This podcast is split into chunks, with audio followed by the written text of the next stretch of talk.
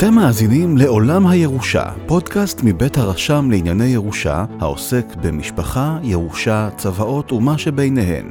במסגרת הפודקאסט, עורכת הדין חגית אסתר קרני, רשמת לענייני ירושה, תראיין את מיטב המומחים העוסקים בדיני ירושה, בפרקטיקה, באקדמיה ובאולם בית המשפט. הפודקאסט מופק על ידי עורך הדין מנחם פשיטיצקי, רשם לענייני ירושה. התוכן נועד לידע כללי ולהעשרה בלבד, ואינו מהווה תחליף לייעוץ משפטי. האזנה מהנה ומועילה. שלום רב לכולם וברוכים הבאים. שמי עורכת הדין חגית אסתר קרני, ואני מזמינה אתכם להאזין לפרק נוסף ובמסגרת הפודקאסט עולם הירושה, מבית הרשם לענייני ירושה, האפוטרופוס הכללי, משרד המשפטים. והיום איתנו, בפרק מספר 36, עורך הדין שי אהרונוביץ', סמנכ"ל מיסוי מקרקעין ברשות המיסים, איתו נשוחח על תחום המיסוי ובזיקה לדיני הירושה. שלום שי. שלום, בוקר טוב, מה שלומכם? אנחנו בסדר, התכנסנו פה וזה כבר נהדר, כדי באמת אה, לפתור כמה דברים, לשמוע כמה דברים, לפשט אותם.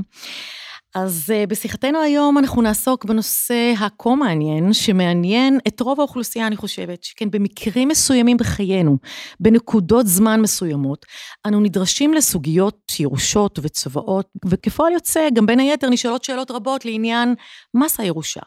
האם יש מס ירושה? או בפרט לעניין מס על נכסי מקרקעין בישראל שהתקבלו בירושה? אפשר גם לומר שרבים, כך אני שומעת לעיתים, שרבים, אה, שאפילו ששמעו את אה, נושא ההרצאה היום, את נושא הראיון היום, סברו שקצת הנושא הוא מורכב, קצת מסובך, כך נאמר לי. אז אולי כששומעים נושא כמו ירושות ומיסים והשילוב ביניהם, נראה לכאורה לא הכי פשוט. אבל אנחנו כאן כדי לעשות סדר ולפשט את הדברים. אני מבטיחה למאזינים שלנו שזה הולך להיות סופר מעניין. אז שוב שלום שי. אני חושב שאחד מנשיא ארצות הברית הראשונים, ג'פרסון אולי, אבל יכול להיות שאני טועה, אמר שיש שני דברים בטוחים בחיים, לא? מוות ומיסים. אז אני חושב שאנחנו, הפודקאסט הזה פשוט מחבר את שני הצדדים של, ה... של החיים כנראה, ואחרי החיים, מה שנקרא. ויוצר את הזיקה ביניהם, כן. כן. אה, הייתי רוצה קצת שתספר לנו קודם כל על התפקיד שלך כיום, מה התחומים שבאחריותך. משם אנחנו נצלול לתוך עניין המס. אה, כך, אה, רשות המיסים זה בעצם גוף שבשנת 2004 איחד בעצם את אגף, עד אז היה לנו את אגף מס הכנסה ומיסוי מקרקעין, והיה את אגף המע"מ והמכס, שהיו שני אגפים נפרדים. תחת משרד האוצר, שני אגפים נפרדים, לכל אחד היה ראש משלו וכולי, בשנת 2004 איחדו בעצם את שני האגפים האלה לאגף, אה, לרשות אחת, רשות המיסים. יש לרשות המיסים אה, הנהלה משותפת בעצם, זאת אומרת, אה, יש מנהל רשות, ערן יעקב, יש הנהלה מצומצמת, שזה סמנכ"לים, יועץ משפטי, מבקרת פנים, חשב כמובן וכולי, ואז בעצם יש לנו יחידות שטח. ביחידות השטח, חוץ מ... פיילוט לגבי יחידה אחת שאיחדו שם מע"מ ומס הכנסה, יחידות השטח הן נפרדות עד היום. זאת אומרת, למרות שעברנו כבר 18 שנים מאז אותו איחוד, אה, איחוד הנהלות אפשר להגיד לזה, היחידות שטח הן נפרדות. אה, יחידות השטח, אה, כקרוב ל-100 יחידות שטח בנויות, יש לנו פקידי שומה שעוסקים בגביית המס הישיר, שזה מס הכנסה, מס רווחון. יש לנו יחידות שעוסקות בגביית מע"מ, יש לנו יחידות מכס כמובן, שנמצאות בנמלים, במעברים, בשדה התעופה וכולי, ויש לנו משרדי מיסוי מקרקעין. יש לנו עשרה משרדים ברחבי הארץ שבעצם עוסקים בגביית מיסי המקרקעין, שמן הסתם תכף נזכיר אותם. אה, כשאני אומר מיסי המקרקעין, בעיקר מס שבח ומס רכישה. ואני אה, למעשה אחראי על נושא מיסוי המקרקעין, זאת אומרת, אני אחראי על אה, עשרה המשרדים האלה, זה כולל משהו כמו 550 עובדים, עשרה משרדים, כמובן גם על הפן הניהולי וגם כמובן על הפן המקצועי, שכל הזמן אנחנו נדרשים אליו, חקיקות וכולי. אז קודם כל תודה, באמת שמחנו בשמחה. להכיר באופן נרחב יותר, ולפני הכל אני אשאל שאלה כזו, מה זה מס? מס, המילה מס, אז מכוח זה שאני מאוד אוהבת ככה לבדוק ולבחון במיוחד אה, פעלים בלשון העברית, גם הסתכלתי במיליונים השונים וכן הסתכלתי באתר של אקדמיה של לשון עברית. ומצאתי מובאות עבור הערך מס. מצאתי בעצם שישנם מספר מראי מקום, גם בספר שמואל ב', בספרי מלכים. כך לדוגמה אני יכולה לצטט, ויעל המלך שלמה מס מכל ישראל, ויהי המס שלושים אלף איש.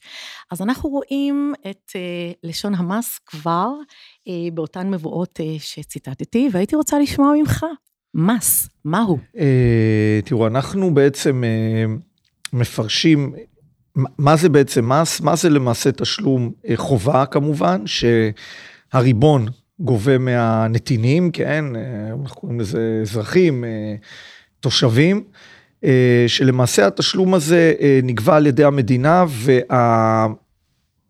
משלם למעשה לא מקבל, בשונה מתשלום עבור שירות, פה הוא בעצם לא מקבל משהו ברור עבורו בחזרה. זאת אומרת, הוא מקבל, ברור שהמדינה היא זאת שמספקת את ה, שיר, מה שנקרא שירותים ומצרכים ציבוריים, כן?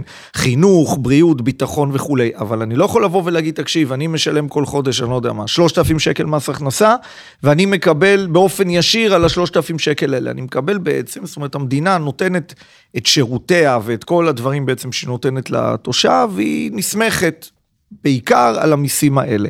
זאת אומרת, אין קשר ישיר, בניגוד לאגרה למשל, בניגוד לתשלום עבור, עבור שירות, במס אין בעצם את הקשר ה... ישיר בין מה שאני משלם לבין מה שאני אה, מקבל. אז זה ככה, עוד פעם, אם אנחנו נכנסים לכל הנושא של, אה, של תיאוריות בדיני המס. אה, אני יכול קצת לבוא ולהגיד מה בעצם המיסים, אנחנו בגדול מחלקים את המיסים, את עולם המיסוי בכלל בעולם וגם בישראל כמובן למיסים ישירים ומיסים עקיפים. זאת אומרת, יש לנו מיסים שממסים את הנישום על ההתעשרות שלו. אה, זאת אומרת, אה, אם הוא מרוויח, אם הוא אה, מתעשר מסיבות כאלה ואחרות, ו... ואז הוא בעצם משלם. למשפחת המיסים האלה שייך מס הכנסה, מה שאנחנו משלמים אם אנחנו שכירים, כן, אם אנחנו עצמאים וכולי, הכנסות שכירות וכולי. יש לנו את מס רווחי הון, שזה כאשר אנחנו מוכרים נכסים הוניים וכמובן ברווח. מניות, מכונות וכולי, יש לנו מס שבח, שזה המס, בעצם מס רווחי הון על מכירת נדל"ן. אז בגדול אלה המיסים הישירים שהמדינה גובה. לא פחות חשוב מהם, יש לנו את המיסים העקיפים. המיסים העקיפים בעצם אין להם קשר לכאורה בין התעשרות לבין, אה, לבין תשלום המס. מה זה המיסים העקיפים? אנחנו הולכים לסופר, אנחנו קונים אה, חלב, אנחנו משלמים 17% על מחיר החלב, מס, מס ערך מוסף, כאילו מע"מ. אצל הצרכן הסופי, כן, אה, זה שהולך לסופר וקונה את החלב, שלרוב הוא עושה בזה שימוש פרטי, אצלו זה בעצם מס עקיף, הוא משלם עשרה שקלים ועוד, ועוד שקל שבעים. זאת אומרת, זה מס עקיף. אה, למשפחת המיסים העקיפים, אז יש לנו כמובן את מע"מ, יש לנו את אה, מס רכישה למשל, זה מס עקיף, מה שקשור בנדל"ן. חוץ מזה, גם כמובן המדינה, יש רשות המיסים גובה מכס, שמכס זה בעצם מס עקיף, אבל התפקיד שלו הוא, בוא נגיד, להגן על ה... על, על כל מיני אינטרסים שיש למדינה, לעודד אה, יצור אה, עצמי שלה, של יצרנים בתוכה וכולי. אה, אז עולם המיסים בעצם מתחלק לשניים, למס ישיר ומס עקיף. פלוס מינוס, כל אחד מהם מביא קרוב ל-50 אחוז. זאת אומרת, הם בערך חצי חצי בכסף שהם בעצם מביאים למדינה. ואם אנחנו עכשיו מדברים על נושא של דיני ירושה, צו ירושה, יורשים, מס, על איזה חוק אנחנו מדברים כרגע? אז תראו, אה, אין, אה, כפי שתכף אני מעריך נידרש בהמשך, אין בעצם חוק מס עיזבון במדינת ישראל ב-40 השנים האחרונות, כמעט, מעל 40 שנים, שנה כבר, נדבר על זה עוד מעט. אה, כעיקרון המיסים שמטרידים אותנו זה פקודת מס הכנסה שממסה רווחי הון. ו, אה, וחוק מיסוי מקרקעין שמטיל מס, מס שבח ומס רכישה. זה המיסים בגדול שצריכים להטריד. יכול להיות גם היבטי מע"מ בקצה, אבל אני לא, לא, לא חושב שזה, זאת אומרת, זה לא, זה מאוד בקצה, פחות, פחות רלוונטי. זאת שני חוקי המיסים העיקריים שאנחנו ככה אה, מדברים עליהם, זה פקודת מס הכנסה, שזה חוק המס העיקרי, חוקק בימי הבריטים, 1941, וחוק מיסוי מקרקעין מ-1963. ואני אשאל לגבי חוק מיסוי מקרקעין, 1963. אני ראיתי את סעיף 4 לחוק. סעיף 4 לחוק בעצם אומר שהורשה, אם אני מתרגמת את זה נכון, ותגיד לי אם אני טועה, זה לא אירוע מס. הייתי רוצה שתחדד לנו את הנושא הזה, כלומר, אני אשאל את זה אפילו בדרך אחרת. האם כשאדם הולך לבית עולמו, האם עקב פטירה של המוריש קיים מס על נכסי עזבון? טוב, התשובה היא, היא כך, והיא לא מורכבת, לכאורה הפתיח שלי היה נשמע שזה הולך להיות משהו מורכב. כעיקרון, במדינת ישראל היה קיים מס עיזבון מ-1949. אגב, מהחוקים הראשונים שמדינת ישראל חוקקה. חוק מס עיזבון היה קם במדינת ישראל מ-1949 עד הראשון לאפריל 1981. הווה אומר, כאשר בן אדם הלך לעולמו באותם שנים, אז כחלק מתהליך ההורשה, היו אה, צריכים בעצם היורשים לשלם גם מס עיזבון. זאת אומרת, ראו בעצם את נכסיו של הנפטר, כאילו הם נמכרו ביום הפטירה, ולכן כל עליית הערך שחלה בנכסים שלו, אה, הכנסות שהוא לא הספיק לשלם עליהם מס וכולי, כל הדברים האלה בעצם מוסו, נכון ליום הפטירה. ב-1981 ביטלו את אה, חוק מס עיזבון, ולמעשה סעיף 4 בעצם אה, אפשר להגיד שהיה אפשר גם בלעדיו, כי בעצם מ-1 לאפריל 1981 אין לי אירוע מס כאשר בן אדם הולך לעולמו. זאת אומרת, אדם הולך לעולמו, אין אירוע מס, אין אירוע של מכירה, מה שהיה קודם, הוא כבר, אין אירוע מס, אה, אין אירוע מכירה, בעצם ביום הפטירה. ולכן, לכאורה אין, אה, אין מס עיזבון במדינת ישראל, זאת אומרת, מי שהולך לבית עולמו מה-1 לאפריל 1981, אין עליו מס עיזבון. אבל, אבל, כן חשוב להגיד, ואולי נחזור על זה גם בהמשך, זה קצת מבלבל, כי כפי שאנחנו נראה בהמשך, כאשר היורשים מוכרים את הנכסים שהם קיבלו בירושה, הם כן אה, למעשה משלמים מס גם על עליית ערך שחלה בידיים של המוריש, זאת אומרת שהנכסים היו אצל המוריש, ולכן בסופו של יום כן משולם מס על עליית ערך שנוצרה אצל המוריש. נכון שביום הפטירה אין אירוע מס, זאת אומרת זה, זה, זה הולך לאיזשהו מועד עתידי שבו הנכסים עצמם נמכרים. כלומר, אם אני מבינה נכון, אה, לכאורה הוראות החוק הזה הספציפי לא מושפעות מעובדת פטירת אותו מנוח, אבל עולות סוגיות עקב הפטירה רק אם יש חילופים, חילופי אה, בעלות באותה מקרקעין, שתכף אנחנו אה, אה, תוכל להרחיב את זה יותר. כלומר, עקב הורשה עצמה, אם אדם הלך לו לבית עולמו, ויש צו ירושה אחריו, ויורש אחריו הבן שלו, ניקח לצורך העניין שיש לו ילד אחד. אותו ילד יכול לרשום את הדירה שהוא ירש על שמו. כל הנכסים. כן. את כל הנכסים, נגיד, ויש שם כן. דירה אחת או שתיים. כן. ואין פה אירוע מס בעת הרישום. נכון. אין אירוע מס בעת הרישום, גם uh, לרוב uh, רוב uh, רשמי המקרקעין לא דורשים אפילו אישור, מ, אישור מרשות המיסים, זה בעצם, זה לא עסקה וכולי. Uh, הסיפור מתחיל להסתבך אם מחלקים אחרת בעצם את, ה, את הנכסים, או אם כמובן אה, בסיטואציה שבה היורשים אה, לא מצליחים אה, להסתדר ביניהם, או שאפילו המוריש עצמו קבע בצבא שהנכסים שלו יימכרו לאחר מותו, ורק התמורה בגין הנכסים יימכרו. בכל המקרים האלה, זאת אומרת, אם, אם הנכסים נמכרים, אז בוודאי שיש אירוע מס וחייבים במס שבח ומס רווחי הון, אם זה נכס הוני וכולי. אה, אם, אם היורשים מחלקים את זה ביניהם, אז זה תלוי, כפי שאנחנו נראה בהמשך, מה, מה קורה בעצם, אבל, אבל בהחלט יכול להיות אירוע של מכירה. זה לא אירוע מכירה שנובע מהפטירה, אלא הוא נובע מטרנזקציות שנעשות בעקב, בין היורשים בעקבות הפטירה. Okay. אוקיי? ואם הייתי שואלת איך אתה מגדיר אירוע מס, קודם הגדרנו מס, איך אתה מגדיר אירוע מס? אה, הדין הישראלי בעצם אה, ב-99% מהמקרים, יש אה, כמה מקרים שלא לא קשורים ל, ל, לירושה, כעיקרון, הדין, דיני המס בישראל נוקטים בשיטת המימוש. זאת אומרת, רק כאשר אני בעצם מממש את הרווח, הווה אומר מוכר, מממש את הרווח, רק אז בעצם אני צריך לשלם מס. זאת אומרת, אני אדגים את זה לא מעניין של ירושה, קניתי מניה בבורסה באלף שקל, אוקיי?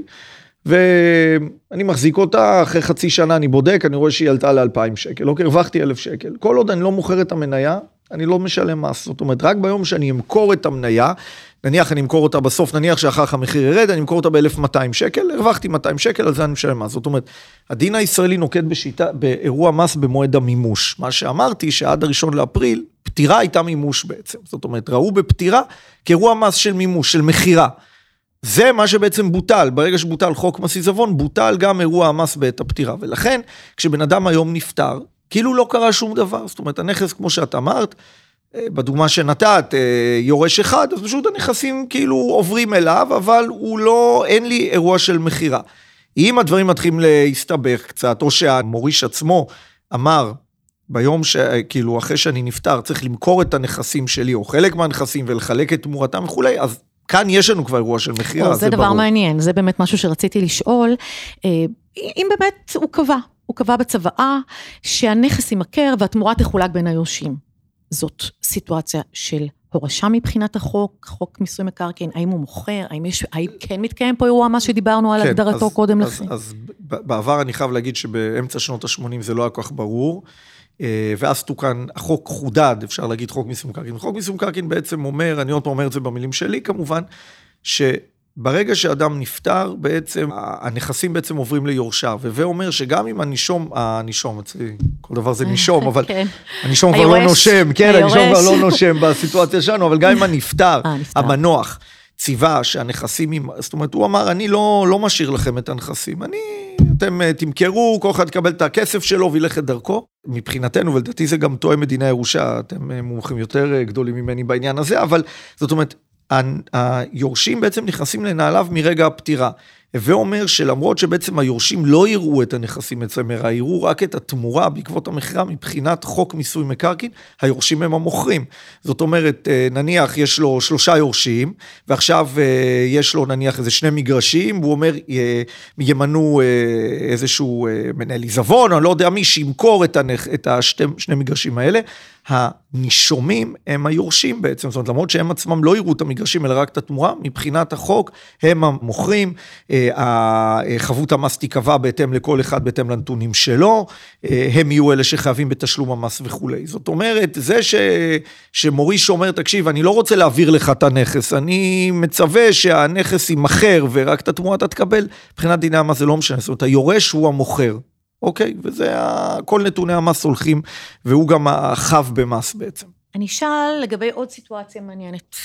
אה, אתה יודע, כשאדם הולך לעולמו, אז או שיינתן צו ירושה אחריו, או צו קיום צוואה, ככל והוא השאיר צוואה. תמיד המדרג הוא כזה, שאם המצווה ציווה, אנחנו באמת אה, נלך אה, לכיוון צו קיום צוואה, אם לא הוגשה התנגדות לגביה, ויצא צו, כן. יונפק צו קיום צוואה.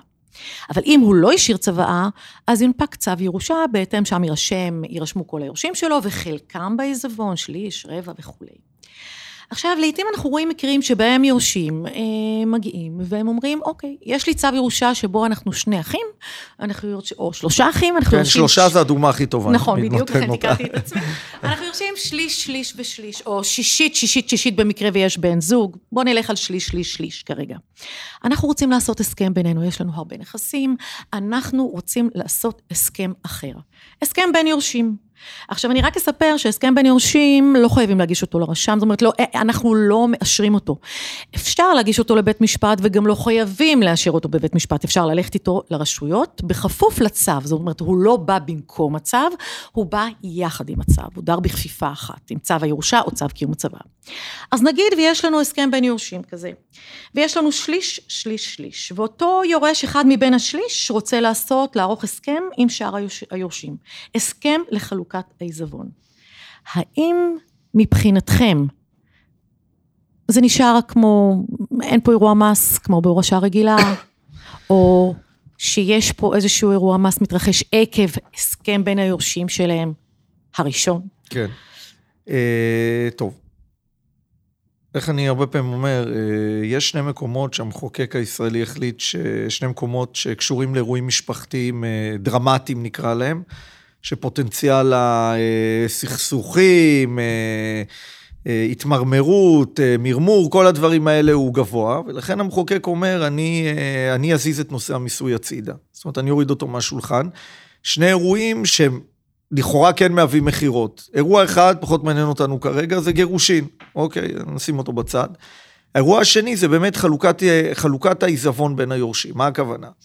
ניקח את הדוגמה שאת התחלת בה ואני ככה, איך אומרים, מנסה להמחיש אותה. היו זוג הורים, אה, היו להם שלוש דירות ושלושה ילדים, כן, איך אומרים, נהיה...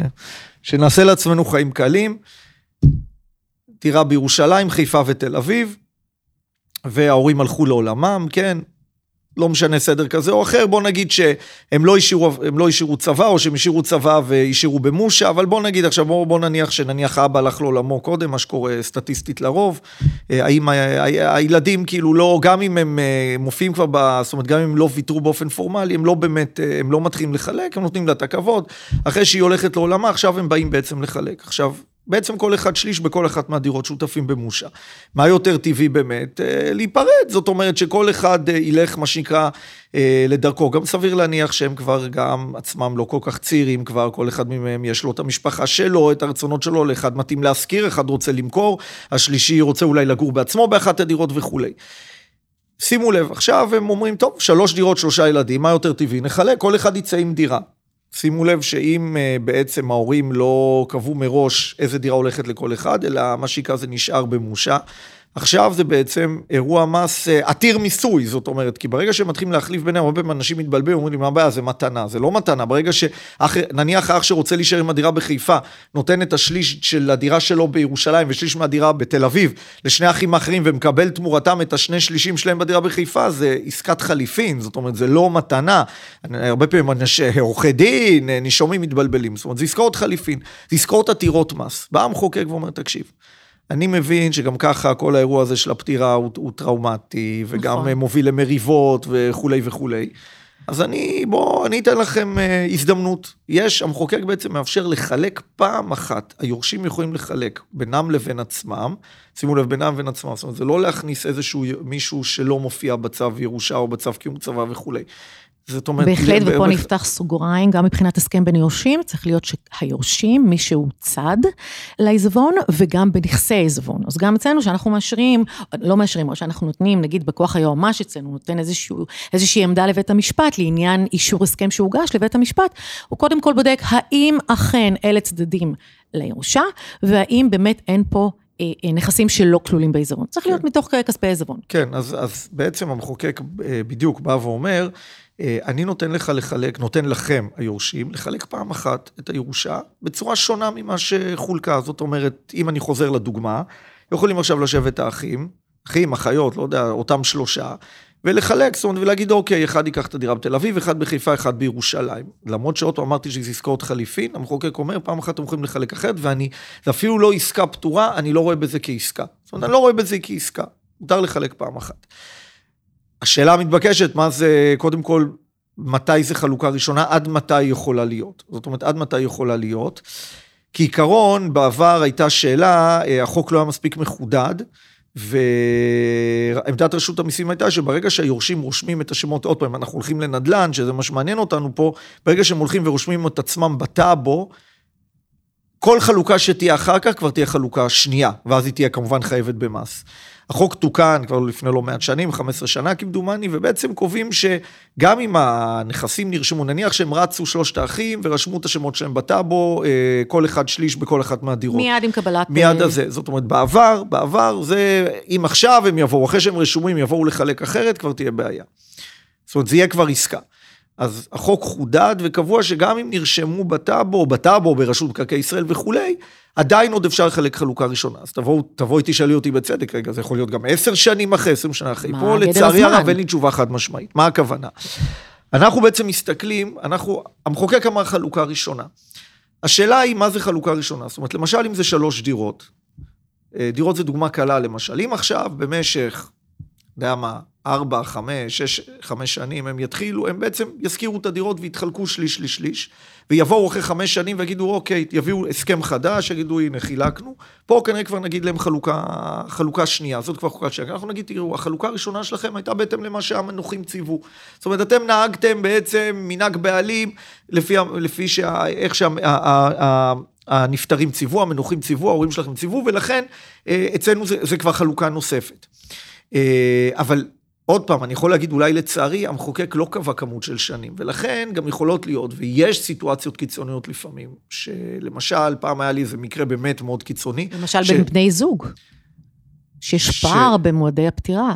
כן, לא, לא, זה ברור, אבל זה גם חודד בחוק, צריך להגיד, שמסתכלים על בני זוג כאילו הם מוריש אחד. זה גם לא היה ברור, אז גם בזה המחוקק, אה, מה שנקרא, חידד אחר כך. זאת אומרת, בני זוג רואים בכוונה בגלל מה שאת אומרת. זאת אומרת, בני זוג, ולפעמים גם הורה וילד, לפעמים יש לנו גם מקרים טראגיים שהורה והיה ילד, ואז יש נכדים, כאילו, ואז יוצא שנכדים ביחד עם הדודים צריכים להתחלק. זאת אומרת, אנחנו, אפשר לראות, החוק אומר שבני זוג רואים אותם כמוריש אחד, לצורך ההטבה הזאת של החלוקה, וגם הורה וילד יכולים לראות אותם כ...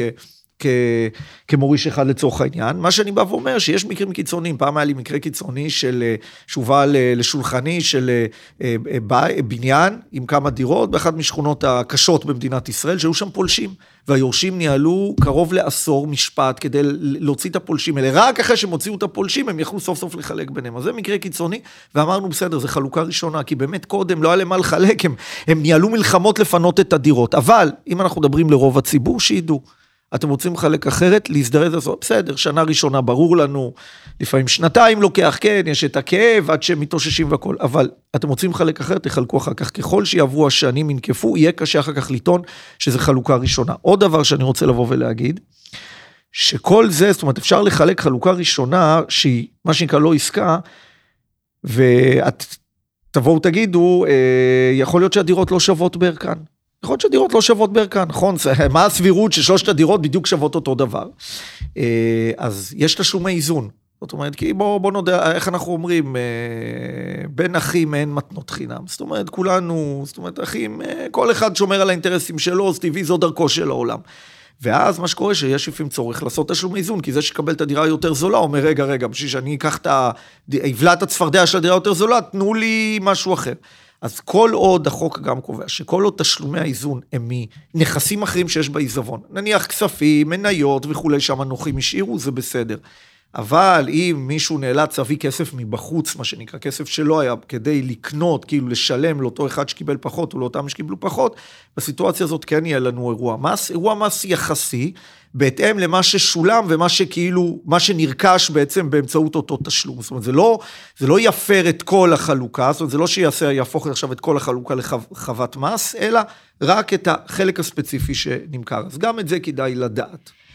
אז קודם כל זה מאוד מעניין, והייתי רוצה כאן באמת לשאול או לסכם בעצם את הנקודה הזאת שדיברתי עליה. כלומר, אם אני מבינה נכון, אז כשיש לנו יורשים שרוצים לערוך הסכם בין יורשים, עם עצמם, בלי צד ג', מכספי העיזבון, העיזבון בלבד, וההסכם מוגש אל הטאבו, אל רישום לצורך העניין, לא חל מס בחלוקה הראשונה.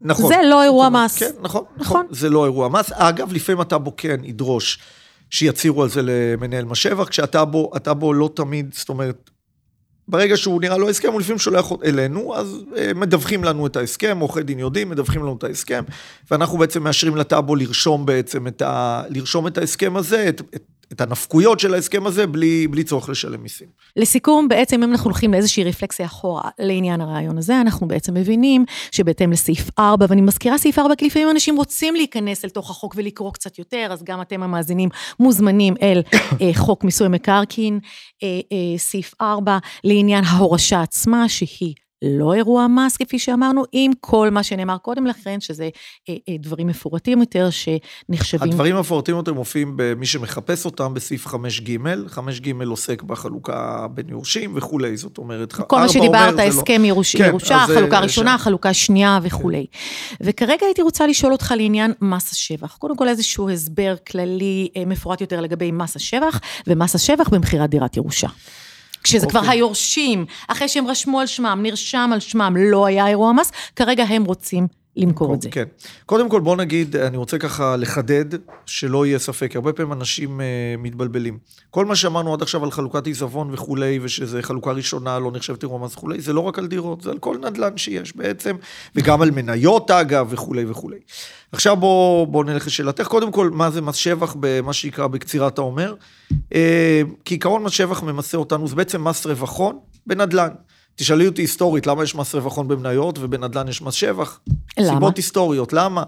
כי כשקמה המדינה לא היה מס, אה, פקודת מס הכנסה לא מיסה רווחי הון, המדינה קמה, היה צריך כסף, אז ב-1949 חוקקו שני חוקי מס חדשים. אה, חוק אה, מס עיזבון שדיברנו עליו, שכבר בוטל, וחוק מס שבח מקרקעין מ-1949, שהוחלף אחר כך את החוק ב-63. חוק מס העיזבון בוטל בשנות ה-80? 81. בקיצור, קבעו חוק מס רווח הון מיוחד לנדל"ן, אבל, וקראו לו מס שבח. רק ב-1965 הוסיפו בעצם מס רווחי הון על נכסים אחרים, כן? גם לא על הכל, מי שזוכר, בורסה מוסתר רק ב-2003, אבל כל מיני סיבות היסטוריות. בגדול, אין סיבה ממשית שיהיה לנו, שהמס בעת מכירת נדל"ן יקראו לו מס שבח ולא מס רווח הון. אבל זה מה שקבוע, זה מה שקיים, ו- וזאת אומרת. אז מס שבח זה בעצם מס רווח הון. מה זה אומר? כשאני בא למכור נכס, אה, בודקים, זאת אומרת, אני, אני מוכר אותו במחיר, כמובן, בשווי המכירה אנחנו קוראים לזה, ואני בעצם לוקח את שווי המכירה, אני מפחית ממנו את מה שהנישום שילם כשהוא קנה את הנכס, כן?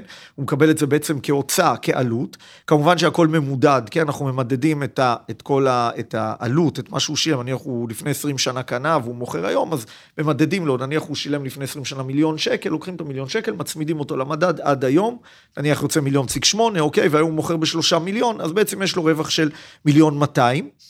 חוץ מזה, הוא גם מקבל הוצאות שהיו לו, זאת אומרת, הוצאות, איזה הוצאות? הוצאות שאנחנו קוראים להן או לרכישת המקרקעין, לא, אנחנו המחוקק, סליחה, אה, או לרכישת המקרקעין, נניח מתווך שהוא שילם כשהוא קנה את המקרקעין, שכר טרחת עורך דין וכולי, הוצאות כשהוא מוכר את המקרקעין, זאת אומרת, עוד פעם. כל אלה מקוזזים. כל אלה מקוזזים, וגם הוצאות השבחה שהיו לו באמצע.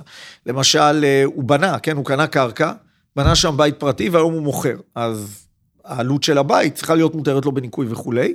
אה, גם צריך לזכור שגם הוצאות מימון מותרות בניכוי. זאת אומרת, אם הוא לקח משכנתה ושילם ריבית, אז הריבית הזאת גם מותרת בניכוי ביום שהוא מוכר. זאת אומרת, אנחנו, החוק מחפש, עוד פעם, לא אנחנו, אלא החוק, מחפש בעצם את הרווח האמיתי הכלכלי אה, שהיה לנישום. זאת אומרת, באמת את הרווח. זאת אומרת, לנקות את כל ההוצאות שהיו לך, את העלויות שהיו לך, רק הרווח, על זה אתה משלם מס. עכשיו, רק אני אסיים, כמה מס, זה קצת מסתבך. בוא נגיד שהיום מדובר בעיקר על 25 אחוזי מס, אבל אם המקרקעין האלה נרכשו בעבר, וכמה שיותר רחוק, זה יכול להיות, זה תלוי. אם זה נכס שהוא לא דירת מגורים, אז המס יגיע, נניח אם זה נכס שנרכש בשנות ה-80 או בשנות ה-90 של המאה הקודמת, המס יגיע לאזור הקרוב ל-40 אחוז, המס טוטל.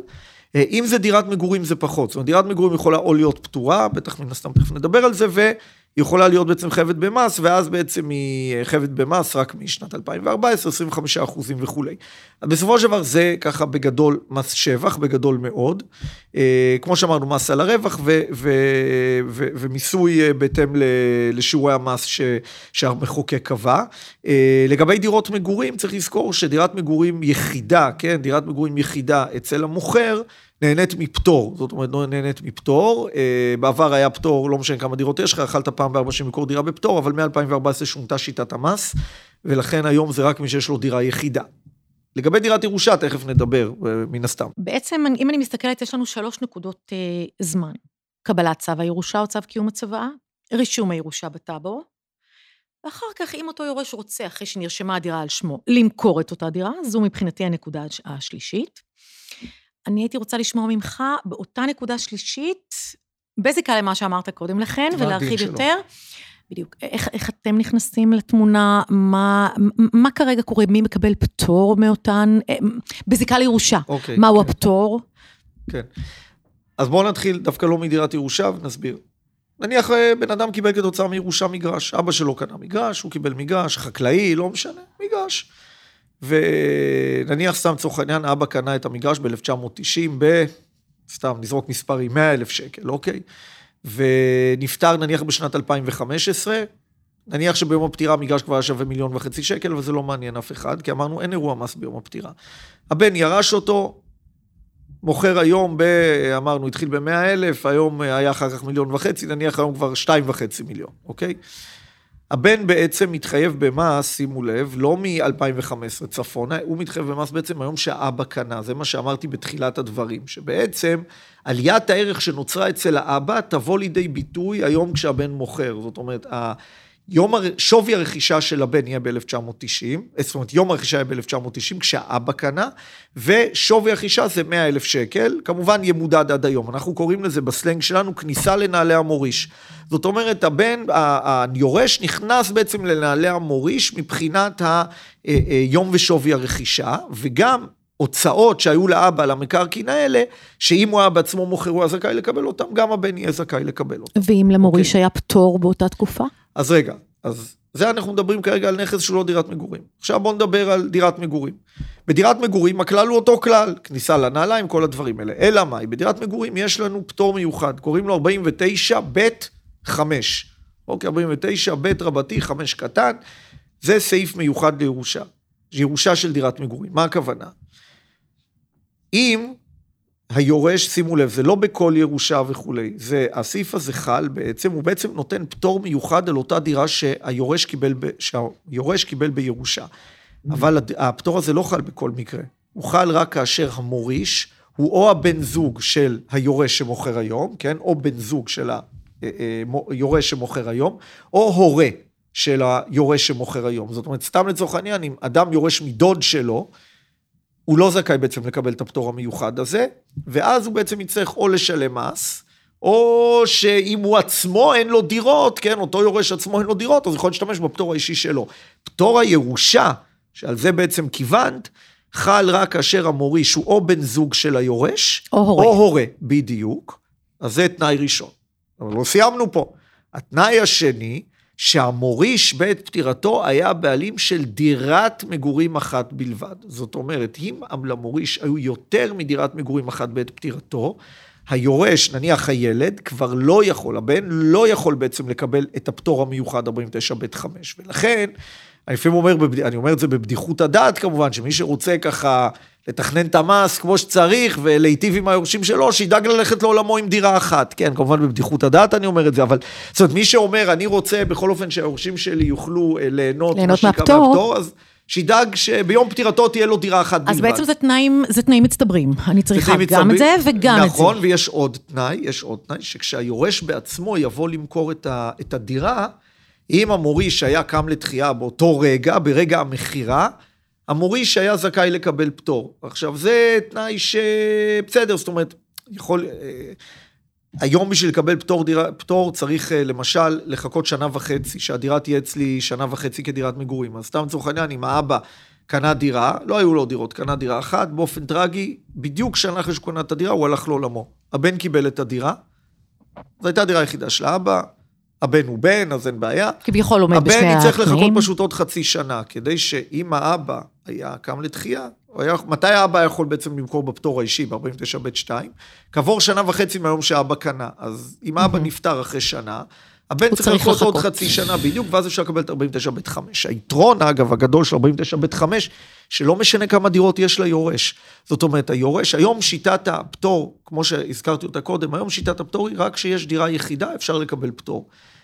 פטור לדירת ירושה, זאת אומרת, דירה שהתקבלה בירושה, עוד פעם, מהורה, וזו הייתה דירתו היחידה של ההורה בעת פטירתו, לא נספרת באותן דירות. זאת אומרת, גם אם לבן יש שמונה דירות, אבל לאבא, מה לעשות, הייתה לו רק דירה אחת בעת פטירתו, הבן ירש את האבא, את הדירה שהבן ירש מאבא, אותה הוא יכול למכור בפטור 49ב5. זאת אומרת, זה כאילו, אפשר להגיד, זה סוג של פטור שכאילו המוריש היה זכאי לו, אז כאילו הבן מממש אותו, את הפטור הזה, אוקיי? אז זה בעצם הפטור 49ב5. כשלא מגיע הפטור 49ב5, אז יש חיוב מס רגיל, צריך לזכור את זה. אוקיי, אני רוצה רגע לחזור דווקא לאותה דוגמה שנתת עם שמונה דירות. אבל בוא ניקח מוריש שהייתה לו דירה אחת בלבד. הוא הוריש את אותה דירה לבן. לבן יש את הדירה בירושה ועוד דירה אחת שלו. אני מבינה בעצם מההסבר שלך שהבן יקבל פה את הפטור. הבן יקבל על הדירה שהוא קיבל בירושה, הוא יכול לקבל את 49ב5, את נכון, הפטור ירושה, וגם, ירושה. אגב, על הדירה שלו, נניח שהוא קיבל את הדירה מהאבא, ועכשיו יש לו שתי דירות. שתי דירות, כן, אמרנו לבן יש דירה, אבא נפטר, השאיר לו עוד דירה. נכון. יש לו עכשיו שתי דירות. הוא דווקא רוצה למכור קודם לכן, קודם את הדירה שלו, את הדירה המקורית שלו, לא את הדירת ירושה. גם כאן, היות דירה שהוא קיבל מאבא היא דירה שצבועה כדירת ירושה ושהמוריש היה הורה וזו הייתה דירה היחידה של המוריש, הוא על הדירה האישית שלו כן יכול לקבל את הפטור 49ב2. זה גם, זאת אומרת, אנחנו בעצם אומרים, הדירת ירושה, כל עוד המוריש היה או בן זוג או הורה, וזו הייתה דירתו היחידה של המוריש בפטירתו, זה בעצם דירה שאפשר להגיד צבועה הצידה, כאילו משהו כזה. זאת אומרת, היא דירה שלא פוגעת לך לא בפטור הרגיל שאתה יכול לקבל, ו... אפשר עליה לקבל פטור, לא משנה כמה דירות יש ליורש, אוקיי? זה פטור מאוד, אה, שמאוד מיטיב עם יורש בעצם. אז עוד פעם, מי שרוצה להיטיב לכאורה עם היורשים שלו, שידאג ללכת רק עם דירה אחת, אה, לא לעולמו רק עם דירה אחת. וכשדיברנו על חישוב עליית הערך, אני רוצה רק שתחדד את זה ותדגיש את זה בשנית, חישוב עליית הערך בדירה שכ... שאין עליה פטור, היא מיום רכישת אותו אדם שציווה המנוח, מיום רכישתו את הדירה. נכון, זה, זה לא רק בדירה, זה בכל נדל"ן שהתקבל בירושה. כן. היורש, כאשר הוא בא למכור, הוא בעצם נכנס לנעליים, מבחינת יום ושווי רכישה, לנעליים של המוריש. זאת אומרת, אם המור... הולכים ובודקים בכמה המוריש קנה, ומתי המוריש קנה, ובעצם היורש שמוכר היום משלם מס על מלוא עליית הערך מאותו מועד שהמוריש קנה. אז אנחנו דיברנו בעצם על פטור, אחד מתנאי הפטור, שבן הזוג הוא יורש, או הבן. ישנם עוד אנשים שיכולים להיכלל בתוך נכון, הפטור הזה? נכון, חידדת לי, וזה נכון, שגם אה, בן הזוג, בן הזוג של הצאצא, זאת אומרת של הבן, זאת אומרת, אה, עוד פעם, בואו נעשה ככה, ניקח אה, דוגמה, אה, הייתה אימא, היא הלכה לעולמה, השאירה לבן שלה את הדירה, אה, נשארה, זאת אומרת, אה, אה נשארה דירה לבן, הבן נשוי. אה, אחרי אה, קצת זמן, אה, או הרבה זמן, לא משנה, הבן הולך לעולמו, הוא לא הספיק למכור בינתיים את הדירה שהוא ירש מאמא שלו, הבן הולך לעולמו, נשארה אלמנה, האלמנה של הבן. האלמנה של הבן, גם היא זכאית לקבל את 49 ב 5. זאת אומרת, גם בן זוג של צאצא זכאי לקבל את ה... את הפטור, את הפטור 49 ב 5, עוד פעם, בכפוף לזה שהאימא כמובן את הבעלים של דירה יחידה וכולי וכולי. כן, בכפוף לשאר התנאים. נכון. שדיברנו עליהם שהם תנאים מצטברים, כלומר כן. מצטבר אחד ועוד אחד ועוד אחד, לא נכון, בנפרד כל אחד. נכון. זה מאוד, אני חושבת שמה שאמרת כרגע, הוא ככה סוגר לנו את כל הנושא הזה של אה, עניין הפטורים, פחות או יותר כמובן, הכל אה, בתמצות וכמה שאנחנו יכולים אה, לדבר עליו ברעיון הזה. הייתי רוצה לשאול שאלות נוספות, כדוגמת שאלות עם סיטואציות מיוחדות יותר. לדוגמה, אדם מחזיק ברשותו חמש דירות, ויש לו ארבעה ילדים. הוא נותן דירה במתנה, כלומר, הוא נותן אותה במתנה לאחד הילדים. עוד כשהוא חי. בחייו. לכל אחד מארבעת הילדים, והוא נשאר עם דירה אחת.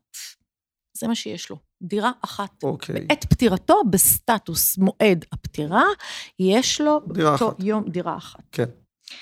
בצוואה שהוא כתב, ואחר כך ניתן צו לקיומה, הוא מוריש את הדירה היחידה שנותרה לו שוב לארבעת ילדיו. האם המתנה עכשיו שניתנה בחייו מהווה אירוע מס? לא, אז צריך להסביר. מתנה שניתנת בחיים כמובן, היא בוודאי אירוע מס, זאת אומרת המתנה היא אירוע מס, כאשר ה... יש סעיף שפוטר מתן מתנה מאדם לקרובו, זאת אומרת כשאבא נותן לילד מתנה בחיים, אז לאבא אישית יש פטור, והמקבל צריך לשלם שליש מס רכישה משליש מס רכישה רגיל שחל, זאת אומרת זה כן אירוע מס. אה, זאת אומרת, בדוגמה שנתת... אבל הוא... כשהם ימכרו, כשאותם ילדים ימכרו את הדירה היחידה הזאת שהייתה לו בעת פטירתו. לא, רגע, חכי רגע עם הדירה, בואו נלך רגע על דירות מתנה. כל אחד מהם קיבל דירת מתנה, שילם שליש מס רכישה, כל אחד בהתאם לתנאים שלו, אם זו הייתה דירתו היחידה, או שהיו לו דירות כשהוא קיבל את המתנה. כשהם ימכרו בעתיד את הדירות שהם קיבלו, כל אחד את הדירה שהוא קיבל במתנה, הם נכנסים ליום ושוב רכישה של נותן המתנה, של האבא. אוקיי? זה לגבי הדירת מתנה. הדירת ירושה, כל אחד על ה-25% שלו בדירת ירושה יהיה זכאי לקבל 49 בית 5, כי האבא בעת פטירתו הלך לעולמו ללא דירות, עם דירת מגורים אחת בלבד. מעניין. אה, כן, לכן אה, זה סוג של תכנון מס, עוד פעם, אני יודע, תראו, אני לא... אנשים יש להם שיקולים שונים, אני אומר תמיד, אה, לא לערבב את שיקולי המיסוי, זאת אומרת, מי שלא... הרבה פעמים אנשים שואלים אותי וכולי, אני אומר, אל, אל תעשו דברים, זאת אומרת, מי, ש, מי שלא בוטח ורוצה כן להישאר עם הדירות בבעלותו, אז אני לא יודע אם... אם בגלל הפטור, שהוא רוצה לתת פטור ליורשים שלו, שימהר ולהעביר אותם במתנה. שכל אחד יעשה את החשבון שלו. אני תמיד אומר, אל תשנו את ההתנהגות שלכם בגלל המיסוי. צריך לזכור שלהתנהגויות יש אה, מה שנקרא תוצאות בחיים האמיתיים. אני אגיד שבעצם ההסברים, הם, הם, כל מה שאמרת הוא בעצם נכון, לא להתנהל על פי זה, אבל ההסברים הם הסברים שמאוד עוזרים לאותם אנשים באמת, שבאותה נקודה, ואם אני מחזירה אותנו לתחילת הראיון הזה, אה, דיברנו על אותה נקודה בחיים, שבה בעצם נפטר לנו היקיר מכל, אחד מיקירינו. אנחנו גם מחכים לצו ירושה, ואנחנו גם לא יודעים איך להתמודד בכלל עם אותה תקופה, אבל כשיש לנו מידעים, זה עוזר לנו מאוד באותה תקופה. אה, אני מסכים לחלוטין, ועוד דבר שאני רוצה להגיד, תראו, קודם כל אני מברך באמת על הפודקאסט הזה, אני חושב שזה קריטי, שאנשים ידעו שלפני שהם עושים דברים, שגם אולי ילכו להתייעץ עם מומחים וכולי, זאת אומרת, כי, כי לכל דבר כזה יכולות להיות תוצאות אחר כך, אז, אז לקחת את הדברים האלה בחשבון, זאת אומרת, אה, חלוקה ראשונה, יש לה את התוצאות שלה וכולי. לשים לב לדברים האלה, המיסים, כמו שאמרנו, זה חלק מהחיים בסופו של דבר, וגם חלק מהמוות, אז, אה, אז לשים לב לזה, לשים לב כי אני יותר מדי פעמים רואה אחר כך אנשים שבאים בדיעבד, ולנו לא תמיד יש אפשרות, ברוב המקרים אין לנו אפשרות לעזור. אומרת, ברגע שלקחו פוזיציה ועשו דברים כאלה ואחרים, אחר כך כבר את הגלגל בעניין הזה אין להשיב. יכול להיות שתכנון מס יותר נכון, היה גורם לפחות תשלום מס בסופו של דבר, אז איך אומרים, לבדוק את הדברים לפני שעושים, זה, זה בכלל הצעה טובה לחיים, ובמיוחד בענייני מיסוי. אז אני רוצה לומר שהשיחה מבחינתי הייתה מעניינת ביותר. אני בטוחה, ואני מודה לך על כך, תודה ואני רבה. בטוחה שלא המאזינים שלנו יכלו לדבר, הם היו מודים לך עד מאוד על הידע הרב שיש לך, על הידע הבלתי נדלה, ושלא יסולא בפז. ואני רוצה לומר תודה רבה לעורך הדין שי אהרונוביץ', סמנכ"ל מיסוי מקרקעין ברשות המיסים, שהיה איתנו והעניק לנו מהידע הרב שלו ומזמנו. תודה, תודה רבה. רבה. תודה. תודה שהייתם איתנו בעוד פרק של עולם הירושה, פודקאסט מבית הרשם לענייני ירושה, העוסק במשפחה, ירושה, צוואות ומה שביניהם. אתם מוזמנים להאזין לנו בכל אפליקציית פודקאסטים שאתם אוהבים. להתראות בפרקים הבאים.